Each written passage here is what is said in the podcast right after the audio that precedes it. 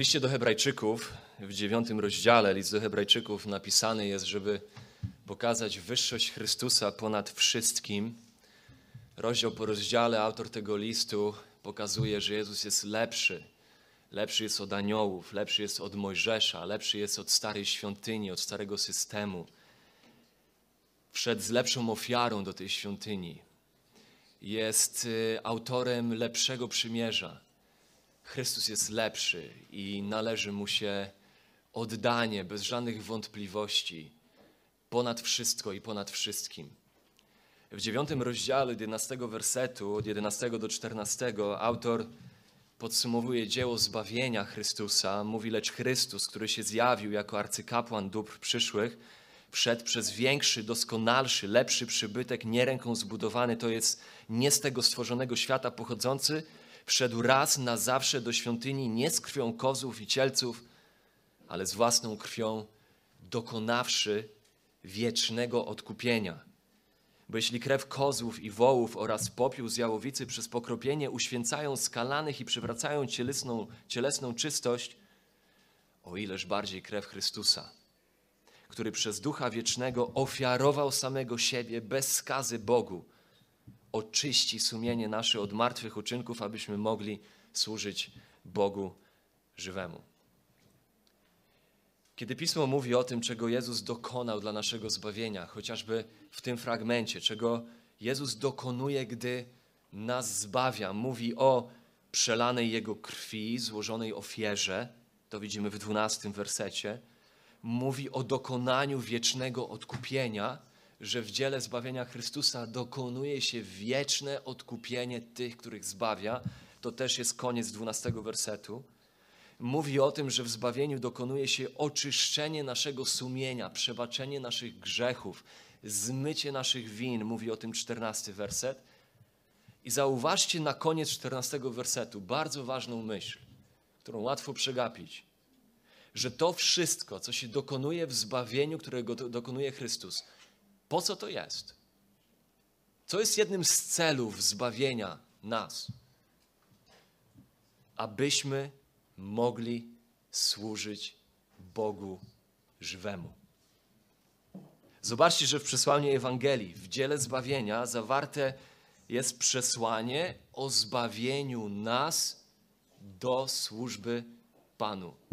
Oczywiście Bóg zbawia nas do nieba, zbawia nas do wieczności, zbawia nas do przebaczenia naszych grzechów ale jednym z celów zbawienia jest to, byś ty, jako zbawiony człowiek, był człowiekiem służby Panu.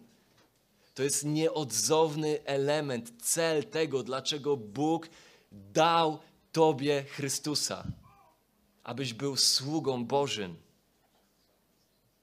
Służba Bogu jest nieodłączną częścią tego, co to znaczy być chrześcijaninem. Służenie Bogu nie jest czymś opcjonalnym dla chrześcijanina. Jest wezwaniem, to psalmowe wezwanie. Służcie Panu z radością. Jest wezwaniem dla każdego Bożego człowieka. W Królestwie Bożym nie istnieje coś takiego jak duchowe bezrobocie, duchowa bezczynność, duchowa emerytura, duchowa jakaś grupa inwalidzka, niezdolność do pracy i służby dla Pana. Nie ma takiej rzeczy.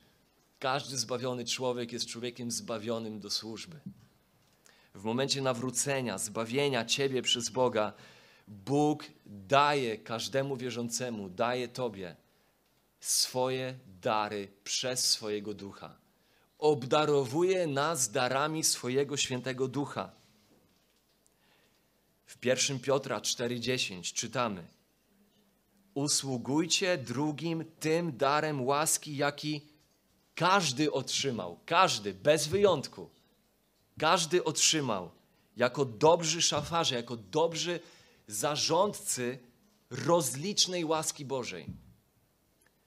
1 Koryntian 12 rozdział, dzisiaj w dużej mierze zatrzymamy się na tym fragmencie.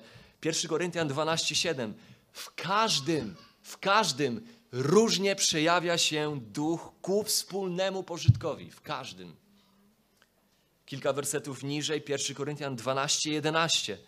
Wszystko to zaś w odniesieniu do darów, dary, o które opisuję, wszystkie te dary, które Duch sprawia, to to wszystko sprawia jeden i ten sam duch, rozdzielając każdemu, każdemu bez wyjątku, poszczególnie, jak chce. I w kontekście opisuje Paweł, że to jest dla dobra całego ciała. Każdy. Każdy fragment, który mówi o darach ducha, mówi o tym, że one są dla każdego wierzącego. Każdy wierzący je otrzymał. Temat darów ducha oczywiście jest tematem wielu dyskusji, wielu kontrowersji.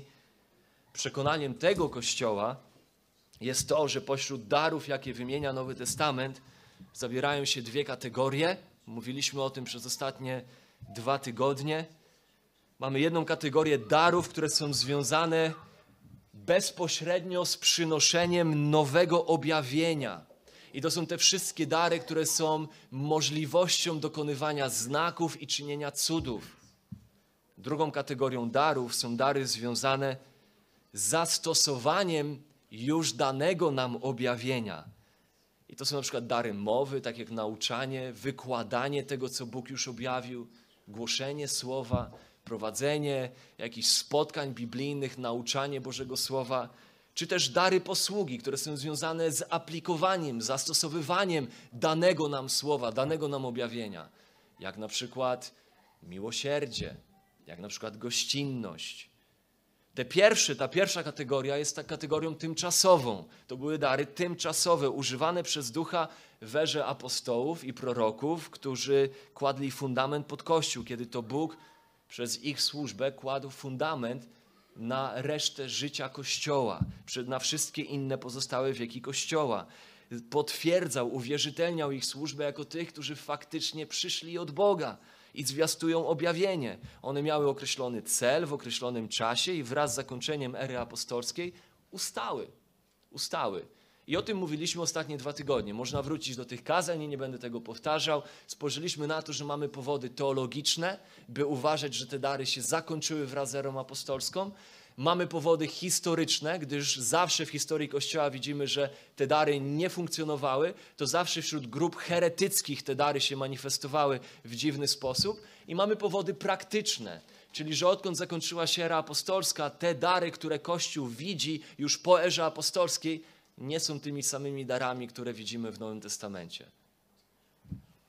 Te drugie, ta druga kategoria jest darami stałymi. To są dary stałe, używane przez ducha od początku zrodzenia Kościoła, właśnie od dnia pięćdziesiątnicy i są kontynuowane przez Ducha Świętego aż do samego końca ery Kościoła. Są to dary, którymi duch nie tyle kładzie fundament pod kościół, bo fundament już nie jest potrzebny, został położony, ale to są dary, przez które, jak dzisiaj będziemy czytać, duch buduje kościół. Buduje tą świętą budowlę, przybytek, który jest przybytkiem Pana, przybytkiem ducha. Buduje ten kościół z żywych kamieni, tak aby Efezjan 4, 12, 13, aby święci wykonywali dzieło posługiwania, dzieło budowania ciała Chrystusowego, aż dojdziemy wszyscy do jedności wiary i poznania Syna Bożego, do męskiej doskonałości i dorośniemy do wymiarów pełni Chrystusowej. I o tych darach będziemy sobie mówić dzisiaj. Kończąc dzisiaj temat darów duchowych. O tej kategorii darów stałych, które są dane każdemu w jakiejś formie, w jakimś stopniu, ale każdemu do tego, żeby miał udział w dziele posługiwania, w służbie dla chwały Bożej i dla budowania ciała Chrystusowego. O tym, w jaki sposób Bóg wzywa każdego do aktywnej służby i jak do tej służby obdarowuje. To jest to, co dzisiaj sobie powiemy. Plan na dzisiaj jest taki, że spojrzymy głównie, zatrzymamy się głównie w 1 Koryntian 12, nie będziemy go aż tak wnikliwie rozważać, dlatego że to by nam zajęło też pewnie kilka tygodni.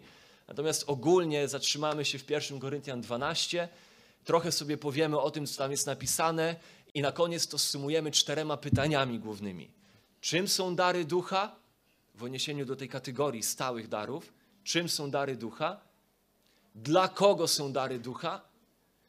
Po co są dary ducha? I na koniec, jak je odkrywać? Jak odkrywać swoje dary?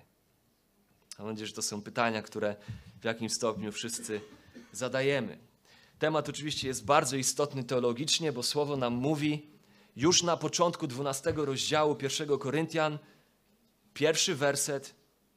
A co do darów duchowych, bracia, nie chcę, abyście byli nieświadomi rzeczy.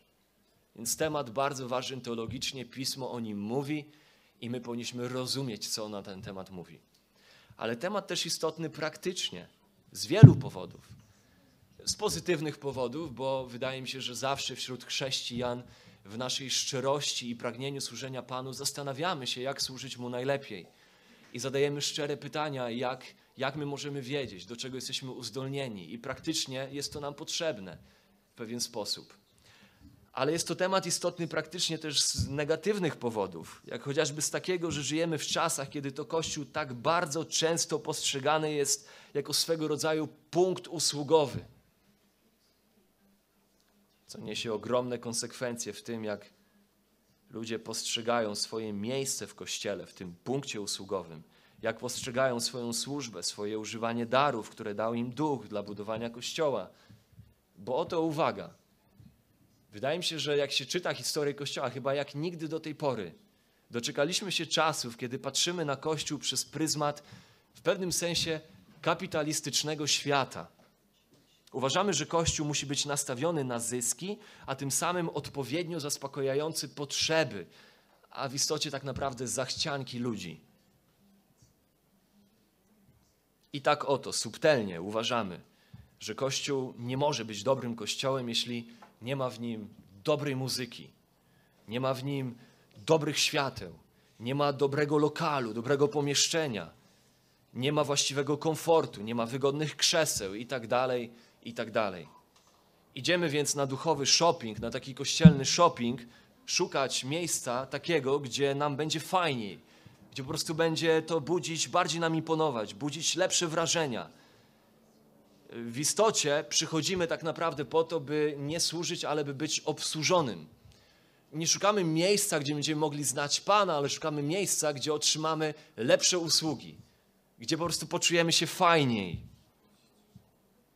Przychodzimy, by oglądać, przychodzimy, by słuchać, nie angażujemy się, nie bierzemy odpowiedzialności za miejsce, w którym jesteśmy, zrzucamy odpowiedzialność na innych, nie podejmujemy się żadnych zobowiązań, nie czynimy żadnych zobowiązań. Co do służb, nasze oddanie jest takim oddaniem na kocią łapę, zawsze z furtką gdzieś tam wyjścia, łatwego wycofania się, po prostu jesteśmy bardziej odbiorcami. Traktujemy Kościół w pewnym sensie jak spektakl, a siebie jak widzów. Dla niektórych oczywiście Kościół jest czymś więcej niż spektaklem. Niektórzy powiedzą, że dla nich jest społecznością. Ale bardzo często nawet w tym sensie jest społecznością, ale nie w zdrowym tego słowa znaczeniu, ale w cielesnym tego słowa znaczeniu. Jest, jest społecznością w sensie traktowania Kościoła jako swego rodzaju klubu koła społecznego, miłego towarzystwa, miejsca, do którego się przychodzi, żeby spędzić czas z miłymi ludźmi, ale znowu bez zobowiązań i na tyle fajnie, że nie muszę nic za to płacić. I mam to co tydzień. Podczas gdy dominującą analogią Kościoła w Nowym Testamencie, myślę, że wiemy, co jest. Jest ciało. To jest dominująca analogia tego, czym jest Kościół. Ciało, którego głową jest Chrystus. Pierwszy werset 12 rozdziału. Jeżeli mamy otwarty pierwszy Koryntian, możemy tam sobie włożyć zakładkę dzisiaj, bo będziemy ciągle wracać do tego rozdziału. Albowiem jak ciało jest jedno, członków ma wiele, wszystkie członki ciała, chociaż jest ich wiele, tworzą jedno ciało, taki Chrystus. Ten obraz się powtarza wielokrotnie, najczęściej tak naprawdę w odniesieniu do Kościoła. Ciało, którego głową jest Chrystus. I w tej analogii widzimy już, że Kościół jest żywym organizmem. Jest żywym organizmem. Oczywiście jest zorganizowanym organizmem, natomiast nie jest w swej definicji organizacją. Oczywiście my wierzymy, że Kościół musi być zorganizowany. My nie jesteśmy z tych, którzy uważają, że dobry Kościół to jest ten, który w ogóle nie przykłada żadnej uwagi do organizacji, tylko gdzieś tam w domach, bez żadnej struktury, w imię tego, że jest organizmem, spotyka się i tak naprawdę jest tam chaos i anarchia. Oczywiście zdrowy organizm jest organizmem, który jest zdrowo zorganizowany.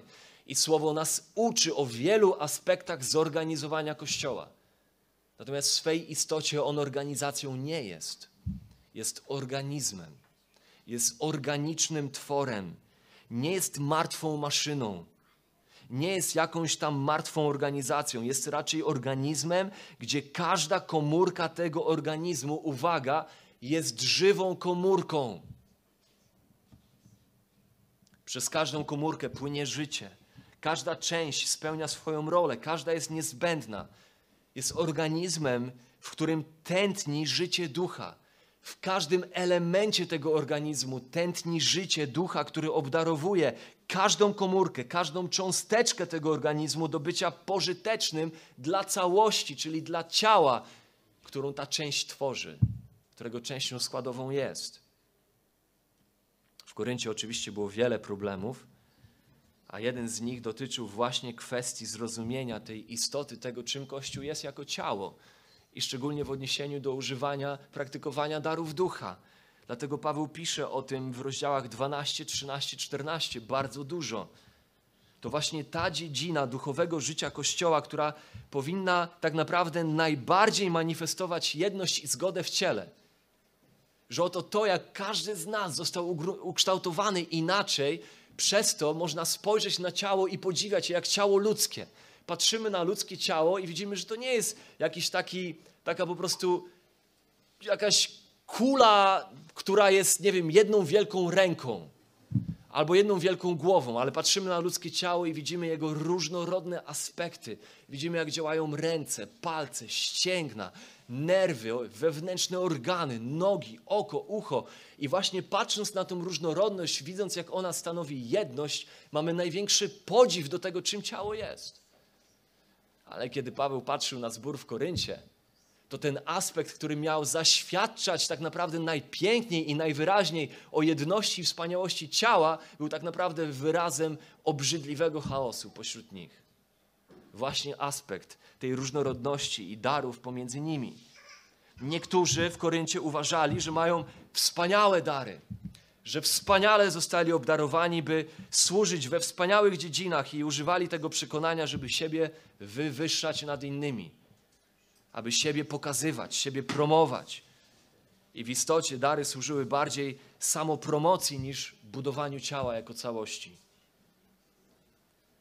Ci pozostali, albo ci, co posiadali mniej publiczne dary, byli traktowani jak chrześcijanie gorszej kategorii, jako ci, którzy są mniej potrzebni w kościele to z kolei prowadziło do tego, że w kościele wytworzyła się jakaś taka dziwna atmosfera, taka dziwna presja, by koniecznie zabiegać o te największe dary, oczywiście największe według tego, jak oni zdefiniowali największe. I Paweł to wszystko prostuje w tych rozdziałach. I przez to wszystko w kościele miała miejsce ogromna pycha pośród tych ludzi. Pycha, że, że oto ja potrafię robić takie rzeczy, a ty nie. I zobacz, spójrz na mnie. A jeżeli chcesz być ważny, zabiegaj o to samo. Ludzie promowali siebie samych. Miał tam miejsce narcyzm, wpatrywanie się w siebie, egoizm, zawiść o dary innych, narzekanie jedni na drugich. Mówię obrzydliwy chaos zamiast pięknej harmonii. Paweł więc pisze do nich. Od wersetu 14 do 21 czytamy. Albowiem mi ciało nie jest jednym członkiem, ale wieloma. Jeśli by rzekła noga, ponieważ nie jestem ręką, nie należy do ciała, czy dlatego nie należy do ciała? A jeśli by rzekło ucho, ponieważ nie jestem okiem, nie należy do ciała, czy dlatego nie należy do ciała? Jeśli by całe ciało było okiem, gdzież byłby słuch? A jeśli by całe ciało było słuchem, gdzież byłoby powonienie? Tymczasem Bóg umieścił członki w ciele, każdy z nich tak, jak chciał – a jeśli by wszystkie były jednym członkiem, gdzież byłoby ciało? A tak członków jest wiele, ale ciało jedno. Nie może więc oko powiedzieć ręce, nie potrzebuję Ciebie, albo głowa nogą, nie potrzebuję Was. Zwłaszcza, że tutaj innymi słowy Paweł mówi, hej, Koryntianie, wy jako indywidualności stanowicie tak naprawdę jedno ciało, jeden twór, stanowicie jedną całość złożoną z wielu części. Ucho nie może mówić, skoro nie mogę być okiem, to odchodzę. Nie, albo nie odchodzę, ale skoro nie jestem okiem, to nie będę nic robił. Nie będę się angażował, bo nie ma dla mnie zbyt wiele do zrobienia, bo nie jestem okiem. Podobnie oko nie może powiedzieć ręce: Nie jesteś potrzebny, bo i tak nic nie możesz wnieść. O, gdybyś był jak on, jak oko, jak ręka, no to wtedy mógłbyś coś wnieść, wtedy miałby, był, byłoby coś do zrobienia. Natomiast skoro nie jesteś taki jak ja, to nic nie wnosisz, więc jesteś niepotrzebny. Więc Paweł mówi w tym fragmencie: całe ciało jest potrzebne. Zostało ukształtowane według suwerennej dobroci i mądrości Bożej, bez błędów, bez pomyłek, bez zbędnych części w tym ciele, aby Bóg był należycie uwielbiony, a ciało odpowiednio budowane. O tym mówi w tym fragmencie. Wersety 25 do 27 czytamy. Aby nie było w ciele rozdwojenia, lecz aby członki miały nawzajem o siebie jednakowe staranie. Jeśli jeden członek cierpi, cierpią z nim wszystkie członki, a jeśli doznaje czci jeden członek, radują się z nim wszystkie członki. Wy zaś jesteście ciałem Chrystusowym, a z osobna Jego członkami. Celem każdej części ciała, mówi Paweł, jest dobro całości. Żeby nie było rozdwojenia, że jest jakiś podział, że jakaś część robi swoje, inna część robi swoje, ale każda część dba o dobro całości. Tak też celem służby jest wzmacnianie Kościoła. Tu już mamy też bardzo praktyczną myśl na temat służby.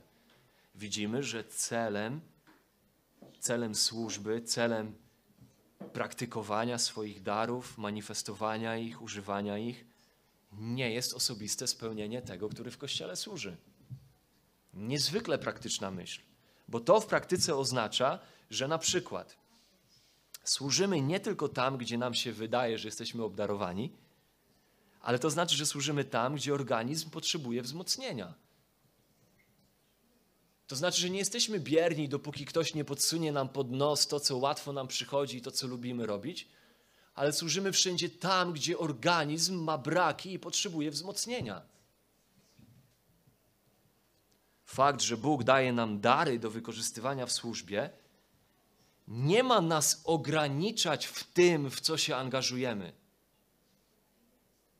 Ta nauka Nowego Testamentu o tym, że każdy z nas otrzymuje dary, nie jest po to, byśmy rysowali wokół siebie granice, których nie przekraczamy w służbie i mówimy, i darów używamy jako zasłony, by mówić: O, tu ja się nie angażuję, bo w tym nie jestem obdarowany.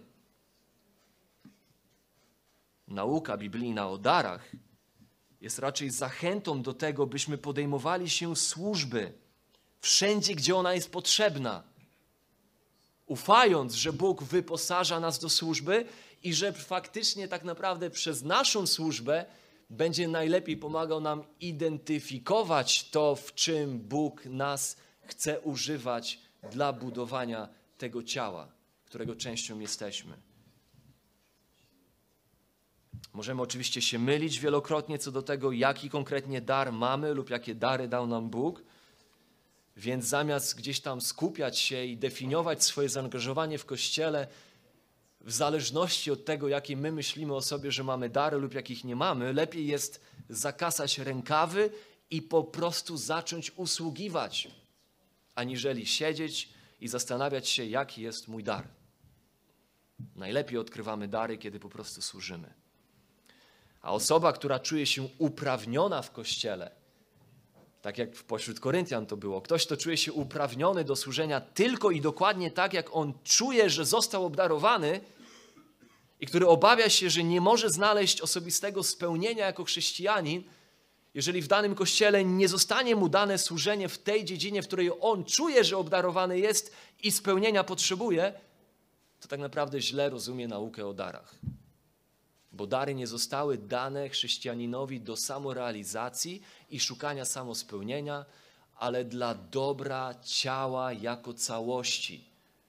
Więc kiedy widzę brak w tym ciele, angażuję się, wychodzę naprzeciw.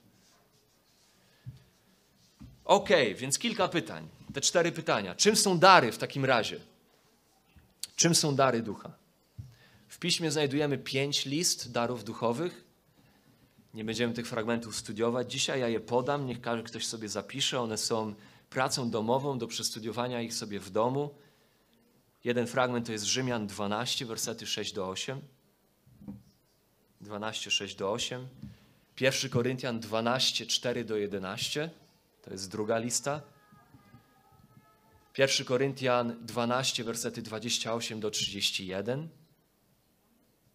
Efezjan, czwarta lista to jest Efezjan 4, 7 do 11. I piąta lista, 1 Piotra 4, 10 i 11. Razem tam zyskujemy listę 18 darów, gdybyśmy mieli skompilować to, co jest tam napisane.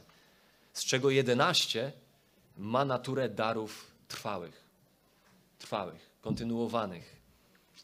Mamy tam nauczanie, zachęcanie, ewangelizacja, pasterstwo, usługiwanie, ale pasterstwo nie takie, takie no, owcze, ale takie duchowe pasterstwo, oczywiście rozumiemy.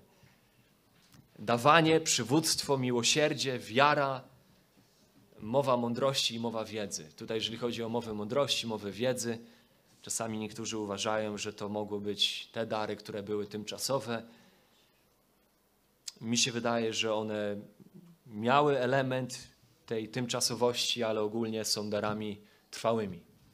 Biblia bardzo dużo mówi o mądrości i o wiedzy w ogóle ponadczasowo, jako rzeczy wychodzące ponad erę apostolską i proroczą i wierzę, że to jest w kategorii darów, które są trwałe. W każdym razie mamy listę 11 darów.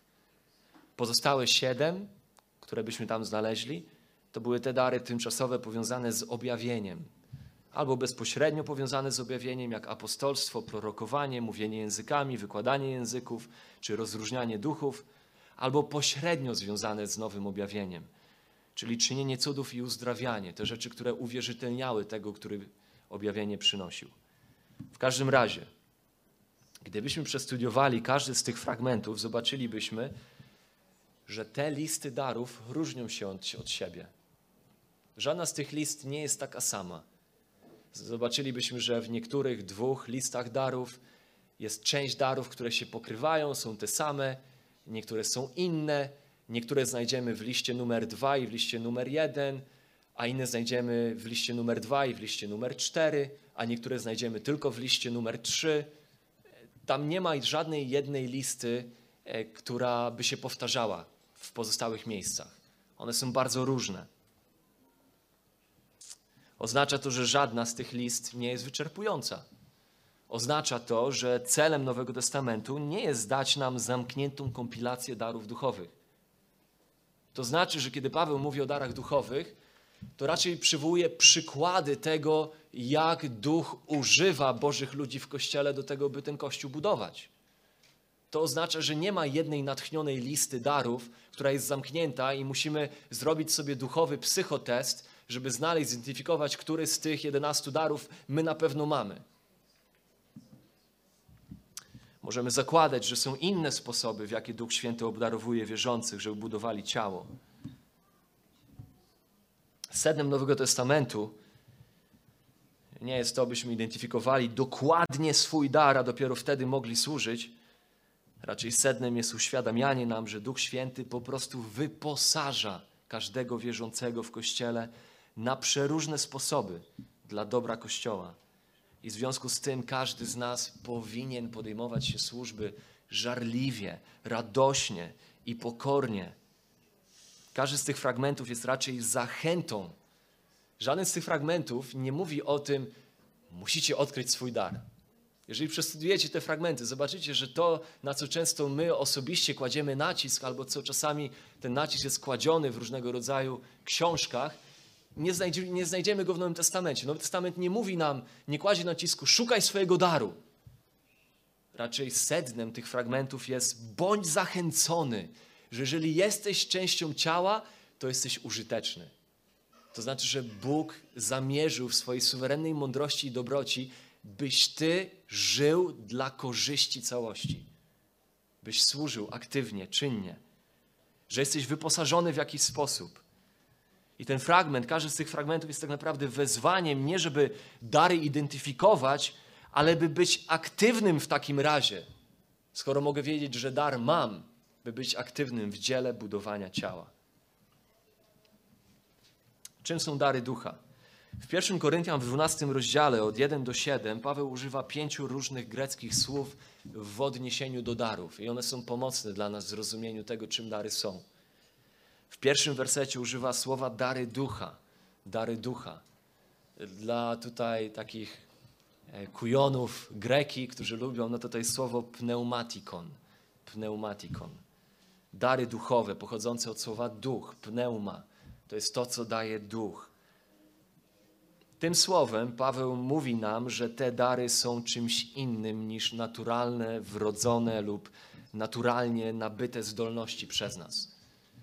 To znaczy, że te rzeczy, o których on tutaj mówi, pochodzą z naszego drugiego narodzenia, z naszych duchowych narodzin. Są to rzeczy, które sprawia Duch Święty, a nie które naturalnie gdzieś tam są wpisane w nasze takie fizyczne, cielesne DNA, albo które nabyliśmy wcześniej jeszcze w swoim życiu, gdzieś tam jakimś po prostu szkoleniem siebie samych, uzdalnianiem siebie w robieniu jakichś rzeczy.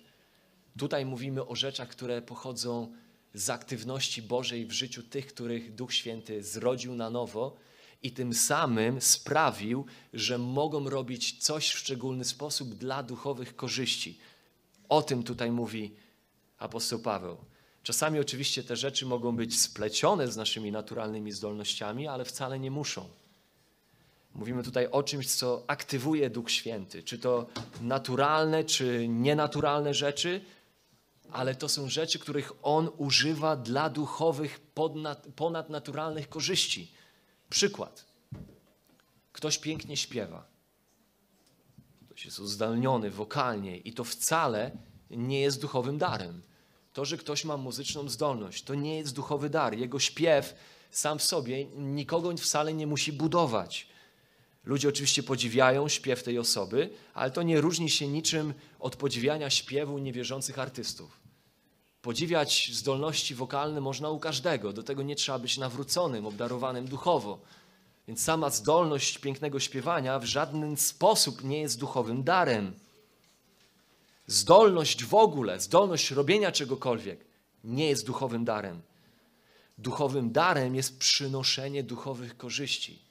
Duchowym darem jest to, że nasza aktywność w danej dziedzinie może być powiązana z naszą naturalną zdolnością, a nie, ale nie musi być, że nasza aktywność w danej dziedzinie jest aktywnością, która w ewidentny sposób buduje ciało, przynosi duchowe korzyści temu ciału. To jest duchowy dar. Dlatego Biblia na przykład mówi o darze usługiwania, nie o darze jakiejś zdolności.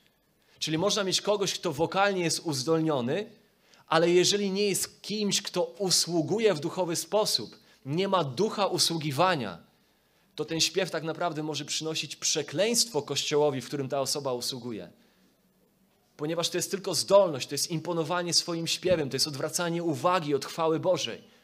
Dlatego Biblia mówi na przykład o darze usługiwania. Więc ktoś, kto ma zdolność śpiewu, może być obdarowany przez ducha do tego, by usługiwać. I wtedy te dwie rzeczy splecione ze sobą będą wspaniałą korzyścią dla Kościoła. To są dary ducha, to jest coś, co daje duch, co duch sprawia w nas, że my tę, tą aktywnością daną konkretną przynosimy korzyści ciału, przynosimy korzyści Kościołowi. W czwartym wersecie, w czwartym wersecie Paweł używa słowa dary łaski. Dary łaski. Greckie słowo charizmaton. Charizmaton. To słowo jest związane z słowem charis, łaska. To słowo wskazuje na to, że te dary pochodzą nie z naszej pracy, że my nie zapracowujemy sobie na dary. One nie pochodzą z naszych zasług, nie pochodzą z tego, że coś nam się należało, że my w jakiś sposób okazaliśmy się bardziej potrzebni Bogu, że my okazaliśmy się lepsi. To nie jest nagroda za coś, ale jest to całkowicie niezasłużona przychylność Boża. Uwaga, uwaga, nawet nie wobec nas, ale jest to kompletnie niezasłużona przychylność Boża wobec Kościoła, w którym nas umieścił, by nasza obecność służyła budowaniu tego Kościoła jako całości. W piątym wersecie widzimy słowo posługa, że są różne posługi. Jest to słowo diakonion. Diakonion. To słowo z kolei wskazuje na fakt, iż dary mają pewien cel, by służyć nie sobie, ale innym. Nie zostały dane nam, by nas podziwiano, by nas chwalono, byśmy imponowali, byśmy samo siebie realizowali, ale byśmy swoim życiem przynosili korzyści innym.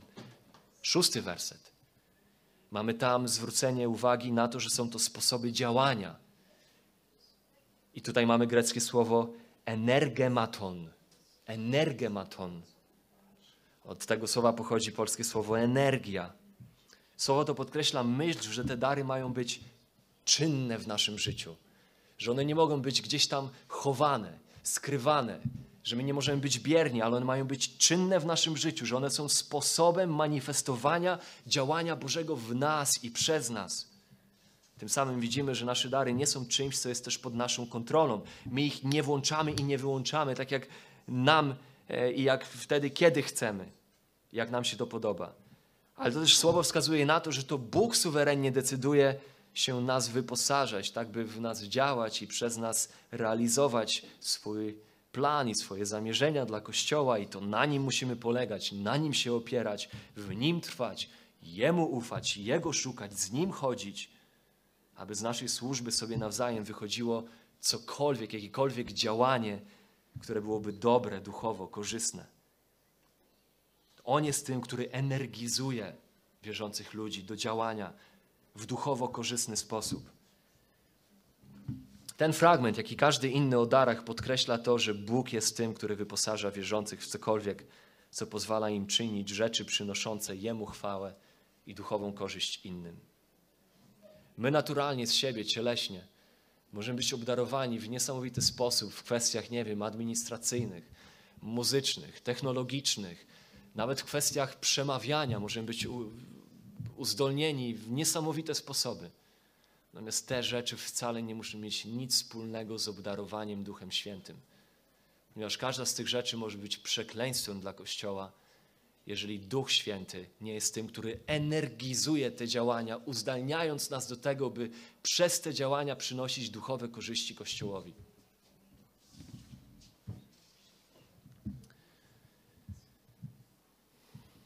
Jego działanie jest działaniem Jego łaski. To jest to, co On sprawia w nas.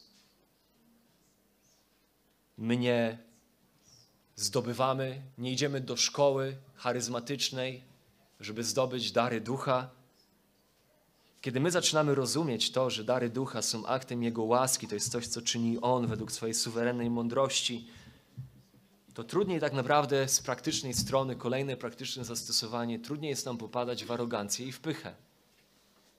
Jako, że niby to my sprawiamy jakikolwiek duchowy sukces, kiedy rozumiemy, że to jest coś, co On czyni. Poza tym będziemy stawać się mniej pogardliwi, jak to na przykład Koryntianie tego nie robili. Oni byli bardzo pogardliwi.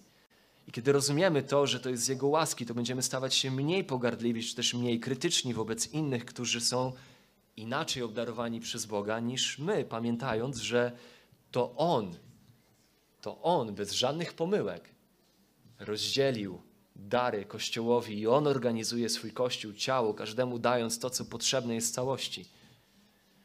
Jeżeli jesteś niezadowolony z tego, że inni w Kościele nie są bardziej jak Ty, to uwaga, masz problem nie z tymi ludźmi, ale masz problem z Bogiem, który tworzy duchowe DNA każdego Kościoła który ich stworzył i duchowo obdarował. I zrozumienie tego będzie zmieniać krytycyzm we wdzięczność i pokorę. Pierwszy Piotra, czwarty rozdział, wersety 10 do 11. Usługujcie drugim tym darem łaski, jaki każdy otrzymał, jako dobrzy szafarze rozlicznej łaski Bożej. Jeśli kto mówi, niech mówi jak Słowo Boże. Jeśli kto usługuje, niech czyni to z mocą, której udziela Bóg. Aby we wszystkim był uwielbiony Bóg przez Jezusa Chrystusa, jego jest chwała i moc na wieki wieków. Amen. Amen. W wersecie siódmym mamy ostatnie słowo przejawy. Różne są przejawy. To są te synonimy, których używa Paweł w odniesieniu do darów ducha. I to jest greckie słowo fanerosis. Fanerosis. To jest ostatni zwrot, który zwraca uwagę na dary jako na przejawy, manifestacje ducha. Dary zostały nam dane, aby Boży charakter i Boża moc manifestowały się przez naszą obecność, nasze życie w zgromadzeniu Kościoła. Dary nie są dane nam po to, by ktoś patrzył na nas, ale są dane nam po to, by ktoś patrząc na nas mógł podziwiać Boga. Komu są dane dary? Komu są dane? No o tym już sobie powiedzieliśmy dość dużo. Efezjan, czwarty rozdział, werset siódmy. Każdemu z nas dana została łaska według miary daru Chrystusowego. Każdemu z nas. Każdy prawdziwy chrześcijanin, który narodził się na nowo, otrzymał przynajmniej jeden dar. Przynajmniej. W momencie swojego duchowego narodzenia. Szczególne obdarowanie otrzymał w jakiejś sferze, przez którą może przynosić duchowe korzyści Kościołowi w szczególny sposób. Bo może przynosić i powinien przynosić duchowe korzyści Kościołowi w każdy sposób. Ale jest jedna dziedzina, w której został szczególnie obdarowany, by w szczególnie widoczny sposób przynosić duchowe korzyści.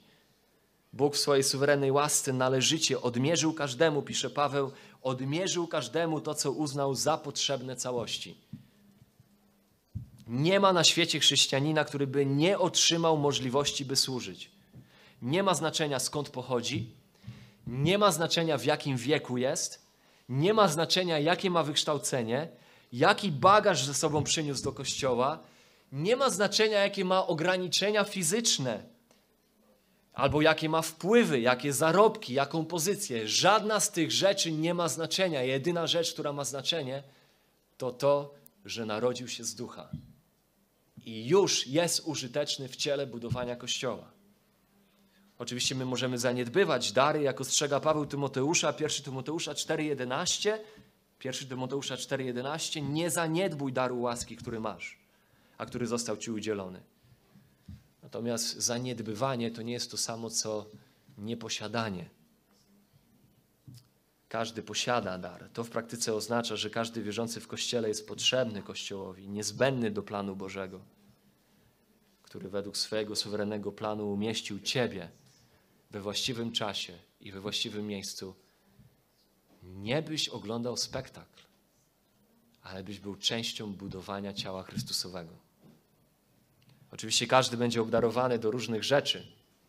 Z jednej strony, uwaga, bardzo ważna myśl, wszyscy jesteśmy wzywani, jakbyśmy spojrzeli na wszystkie dary ducha, te, które są trwałe.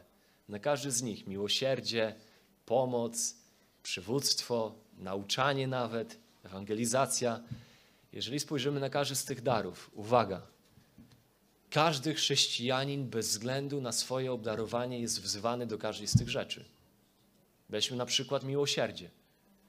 Wszyscy jesteśmy wzywani do aktów miłosierdzia bez względu na nasze obdarowanie. Weźmy pod uwagę ewangelizację. Wszyscy jesteśmy wzywani do zwiastowania Ewangelii ludziom zgubionym wokół nas, bez względu na obdarowanie.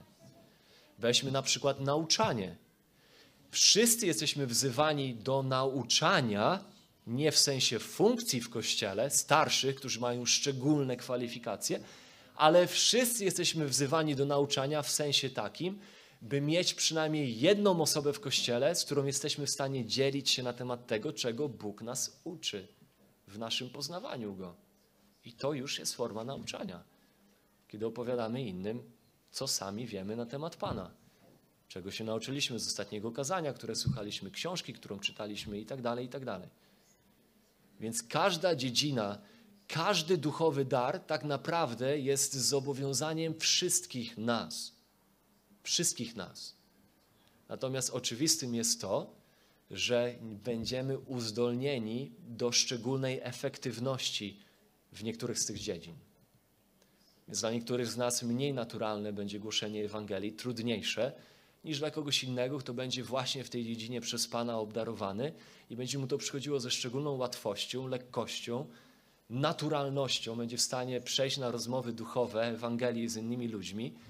I co więcej, ci ludzie będą odpowiadać na jego dzielenie się z nimi Ewangelią. Będzie widział korzyści płynące z tego, że on mówi Ewangelię. A dla innych z nas przez resztę życia to będzie po prostu podróż przed trud, znój w pocie czoła.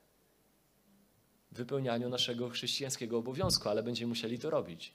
To jest ta różnica. Nasze dary nie zwalniają nas od robienia tych wszystkich innych rzeczy, w których obdarowani nie jesteśmy. Natomiast one uzdalniają nas do szczególnego angażowania się w dziedzinach, w których uzdolnieni jesteśmy. Więc musimy pamiętać, że wszyscy będziemy obdarowani do różnych rzeczy.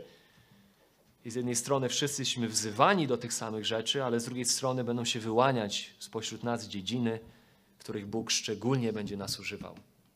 I w szczególny sposób będziemy skuteczni i dobrzy. No, tutaj też taka uwaga a propos pokory, kiedy też to rozumiemy, to też uczy nas pokory. Na przykład w kwestii chociażby ewangelizacji. Jeden będzie obdarowany, będzie mu to przychodziło z lekkością, będzie rozmawiał ze wszystkimi, wszędzie, w każdym miejscu o Chrystusie, a innemu będzie to przychodzić trudniej. Będzie mówił Ewangelii, ale w innych okolicznościach. W jakiś tam będzie mu trudno przeskoczyć naturalnie więc będzie często może nawet w swojej efektywności doświadczał tego, że ludzi zraża, nie pociąga i tak dalej, i tak dalej. I będzie chciał być wierny Bogu, ale będzie mu to wychodziło po prostu inaczej. I nie z powodu jego grzeszności, ale z powodu tego, że po prostu nie jest obdarowany aż tak bardzo jak ta inna osoba. I tutaj trzeba być uważny, żeby ten pierwszy nie pogardzał tym drugim i ten drugi nie pogardzał tym pierwszym. Bo bardzo łatwo jest kopiować swoje uzdolnienie, przerzucając oczekiwania na innych, żeby robili dokładnie wszystko tak samo, jak robię to ja. I na przykład ten naturalny ewangelista może w swojej pysze oczekiwać, że wszyscy będą dokładnie tak samo angażować się w ewangelizację jak on. Jeżeli ktoś nie zagaduje wszystkich na ulicy tak, jak robi to on, to na pewno nie jest wierny Bogu, bo gdyby był wierny Bogu, to by robił tak jak on. Ale to może pójść w drugą stronę że ten, dla którego to nie jest naturalne, będzie uważał, że no, ten, który wszędzie gdzieś tam zagaduje, może się czuć tak zagrożony przez aktywność tego zaangażowanego ewangelizacyjnie człowieka, że może pomyśleć, to, to nie, to, to jest zła metoda, tak się nie powinno robić, bo to odstrasza ludzi, bo jego doświadczeniem jest to, że on odstrasza ludzi, bo nie jest w tym obdarowany. I łatwo możemy przerzucać swoje oczekiwania związane z tym, w czym my jesteśmy uzdolnieni na innych, i próbować z ciała czynić jakąś taką właśnie jed, jednorakość. I to nie jest zdrowa postawa. Podobnie jeden może być obdarowany w zachęcaniu, a inny nie. I ten obdarowany w zachęcaniu będzie miał niezwykły radar dostrzegania ludzi, którzy są zniechęceni i niezwykłą duchową intuicję, by wymyślać sposoby na zachęcanie innych. Też łatwo będzie mu przerzucać to samo oczekiwanie na innych innych, którzy nie są obdarowani w tej dziedzinie i nie zachęcają tak jak on, nie dlatego, że są grzeszni. Nie mówimy tutaj o tej dziedzinie, bo są tacy, którzy robią to, bo są grzeszni. Ale ci inni nie zachęcają nie dlatego, że są grzeszni, tylko dlatego, że nie mają tej samej duchowej intuicji. Po prostu nie widzą tych samych rzeczy, nie mają takich samych pomysłów. I łatwo jest tutaj oceniać innych. O nie, to on jest, on jest bierny. On nic nie robi, bo on nie zachęca tak jak ja prawdopodobnie są dziedziny w życiu tej drugiej osoby, w której ty nie jesteś tak mocny jak on. Więc musimy raczej zachęcać siebie nawzajem w tych dziedzinach, w których każdy z nas indywidualnie jest obdarowany i nie przerzucać oczekiwań z jednego na drugiego.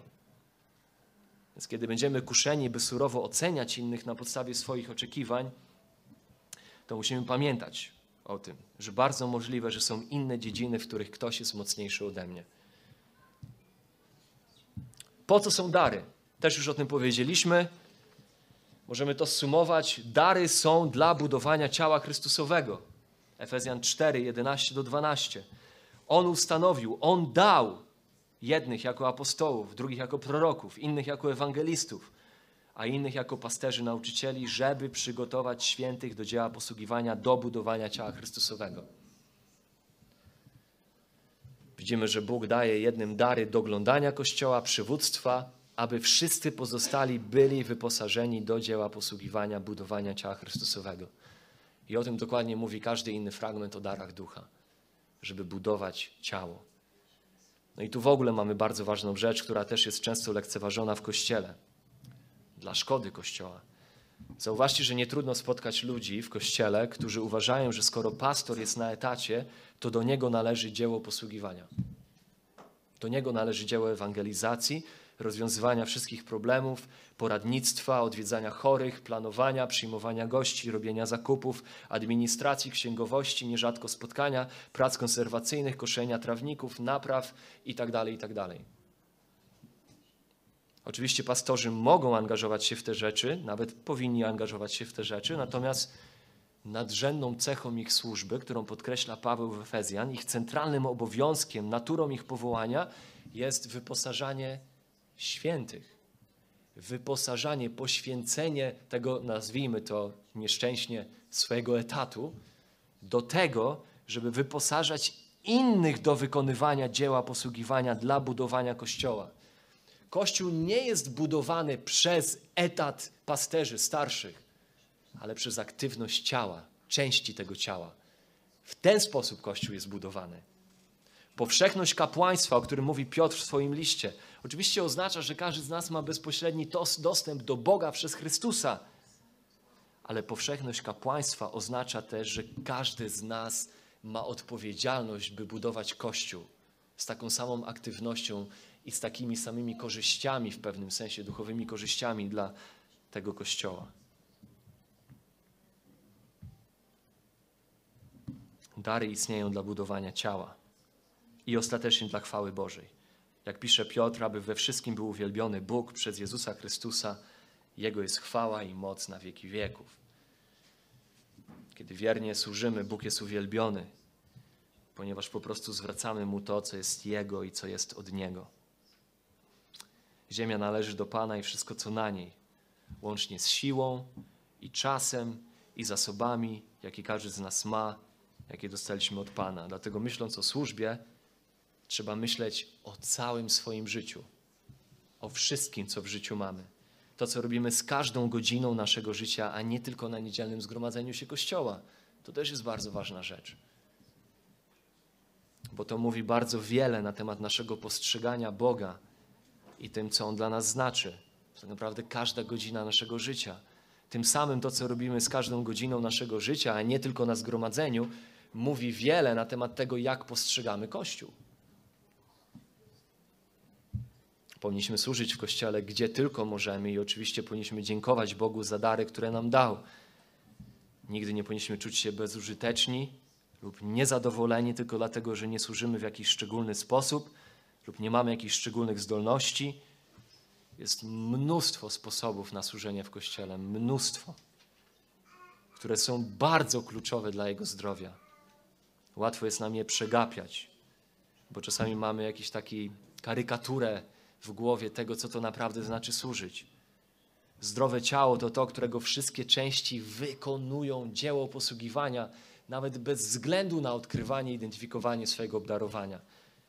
Pozwólcie, że kończąc opiszę Wam parę praktycznych rzeczy, odstawiając dary na bok. Jakby już konkretnie same dary na bok, ale skupiając się na służbie. Każdy z nas, każdy z Was, którzy jesteście częścią tego kościoła, ma służbę do wykonania. Niektórzy z nas są szczególnie bogaci w czas, inni szczególnie bogaci w zasoby, inni szczególnie bogaci w jakieś relacje, inni w jakieś zdolności. Ci, którzy są bogaci w czas, mogą budować ciało, szczególnie poprzez jakieś akty służby, zaangażowanie w jakieś projekty. Tak więc samotni członkowie, którzy mają więcej czasu, mogą łatwiej pomagać innym członkom, którzy mają mniej czasu. Mogą pomóc w remoncie, w przeprowadzce, w chorobie, w potrzebie. Mogą pomóc w zapewnieniu opieki w trudnych momentach nad dziećmi, czy też mogą pomagać w poprawianiu jakości innych służb. Ci, którzy są bogaci w środki, mogą pomóc zwłaszcza we wsparciu finansowym Kościoła, wspieraniu potrzebujących. Ci, którzy są bogaci w relacje, naturalnie mają wiele relacji, są ciepli, ekstrawertyczni, łatwo przyciągają ludzi, mają magnetyczną osobowość. Mogą budować ciało, pomagając innym znaleźć przyjaciół, poczuć się przyjętym, zaopiekowanym. Kiedy widzą kogoś, kto jest bardziej z boku, mogą go wciągać w relacje z innymi, próbować budować mosty w relacjach. Miejmy to też na uwadze, że nasze zdolności lub możliwości, jak służyć, mogą się też zmieniać w różnych etapach życia.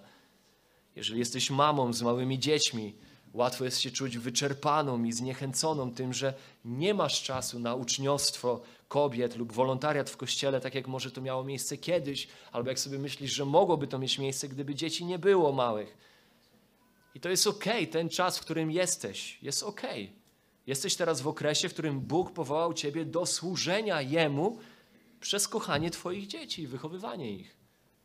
I to jest służba, która dla bardzo często w niewidzialne sposoby buduje tak naprawdę Kościół jako całość, sposoby, których nie rozumiesz, ale jest to element Bożego powołania Ciebie na ten czas.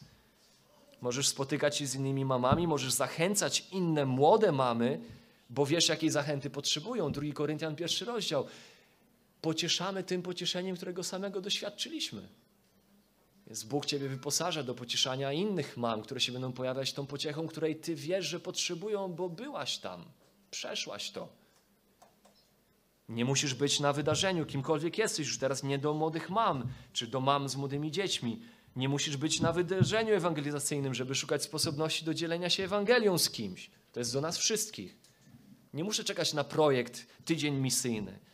Możesz próbować zaprosić sąsiadów do wspólnego studiowania Ewangelii Jana lub do oglądania filmów z podstaw chrześcijaństwa, serii, nie wiem, 13 krótkich filmów 20-minutowych, które można znaleźć na YouTubie w oparciu o Ewangelię Marka. Możesz modlić się o sposobności do dzielenia się Ewangelią z ludźmi z Twojego biura.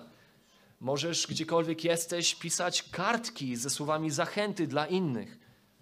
Możesz wpisać sobie w terminarz, w rutynę swojego życia wykonywanie telefonów do innych członków Kościoła, żeby dowiedzieć się, o co się o nich modlić w danym tygodniu, z czym się zmagają. Możesz modlić się o wszystkich też z osobna.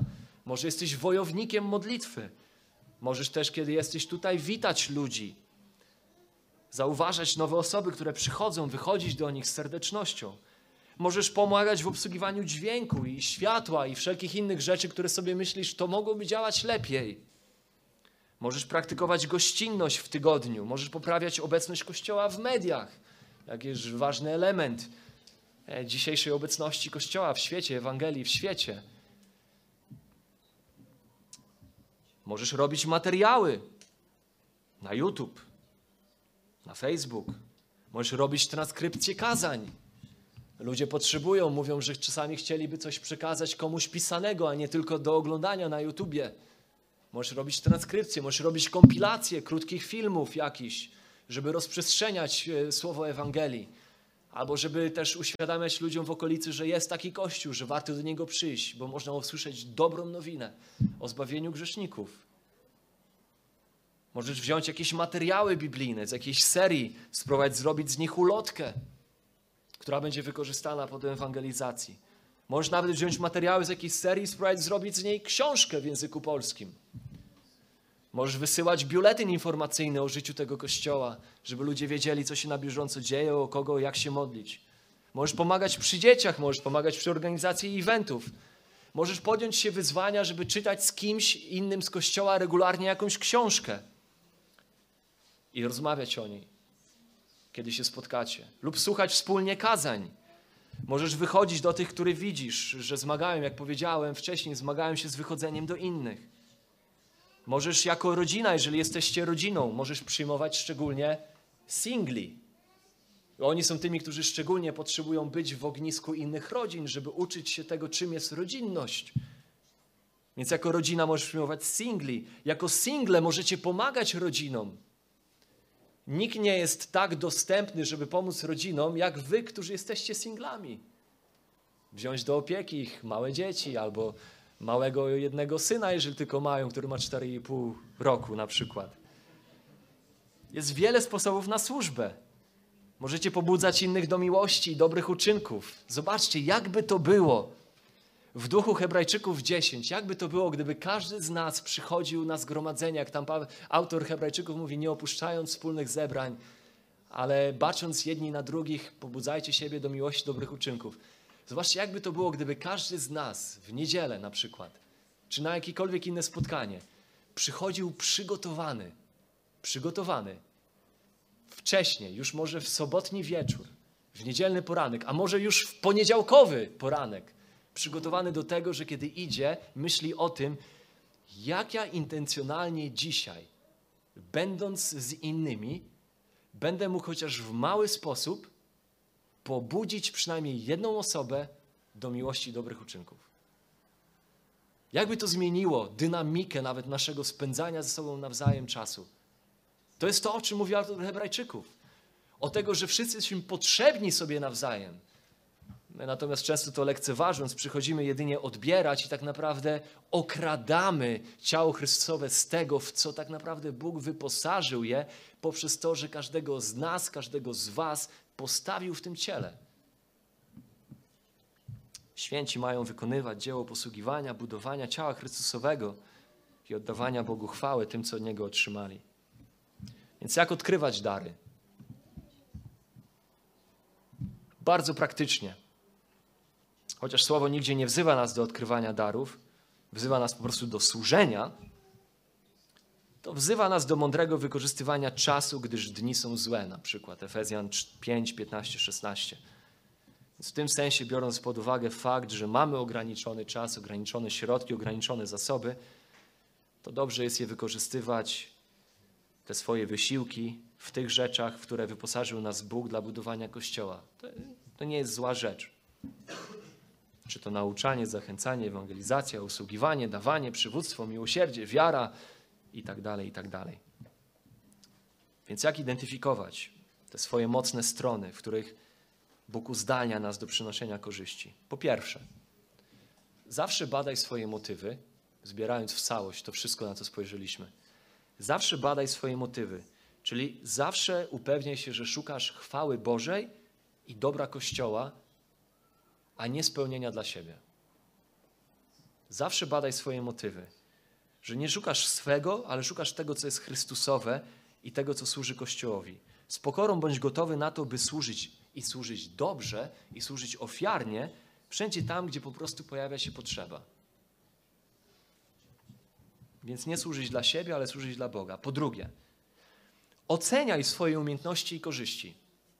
Bierz je pod rozwagę, bierz je pod ocenę. Uczciwie rozważaj to, co faktycznie potrafisz robić, co już robiłeś i w czym Ciebie Bóg używał, i co chciałbyś robić, co możesz robić lepiej i co jeszcze jest do zrobienia. Oceniaj wszystkie te rzeczy, zastanawiaj się nad nimi. I trzecie, powiązane z tym drugim, pytaj innych. Pytaj innych, radź się. Pismo podkreśla wartość radzenia się innych.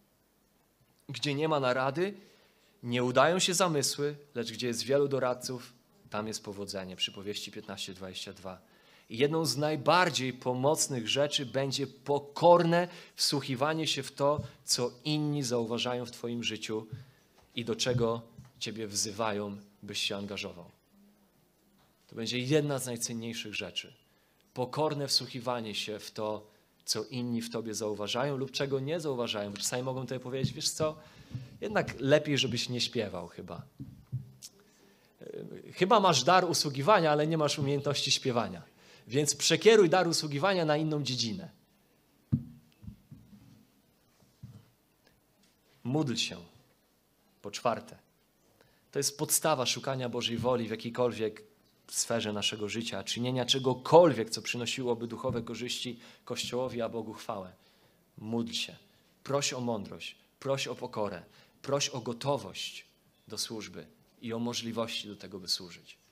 Po piąte, ostatnie, służ. I o tym mówiliśmy dużo.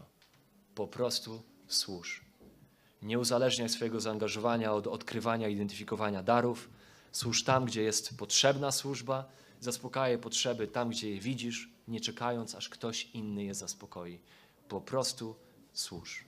Zostaliśmy stworzeni, zbawieni, by służyć, wzywani, by służyć. I istotą naszego zbawienia jest to, że nasz Pan Jezus Chrystus jest sługą, który służył nam aż do miejsca śmierci i to do śmierci krzyżowej. Bo Syn Człowieczy nie przyszedł, aby mu służono, lecz aby służyć i dać swoje życie na okup za wielu.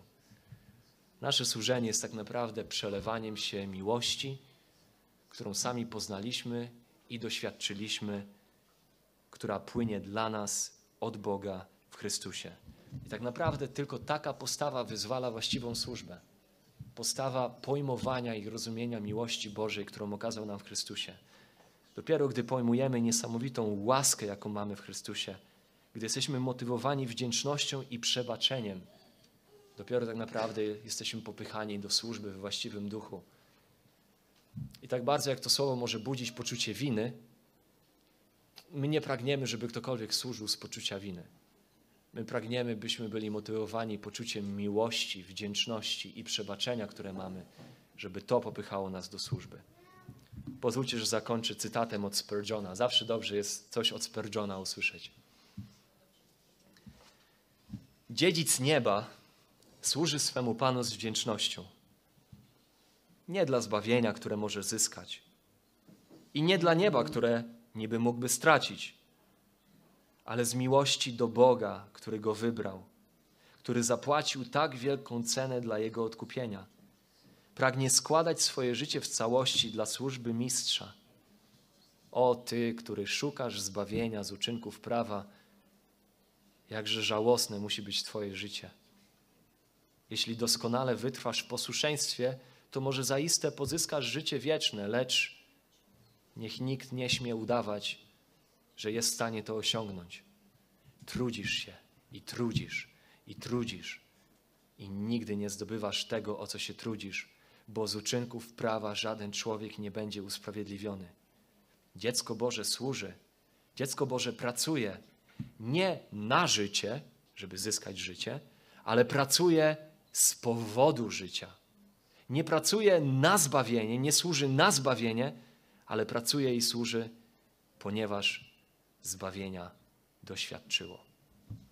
Tak oto od prawie dwóch tysięcy lat Boży ludzie wiernie służą Bogu, budując ciało Chrystusowe i też od wielu lat wiernie w tym kościele możemy identyfikować ludzi, którzy z poświęceniem, z żarliwością, gorliwością służą Panu. Jesteśmy wdzięczni za nich. Nie będziemy ich wymieniać, żeby im nagród niebiańskich nie odbierać, ale możemy, myślę, dobrze jest identyfikować tych ludzi i się też od nich uczyć służbę.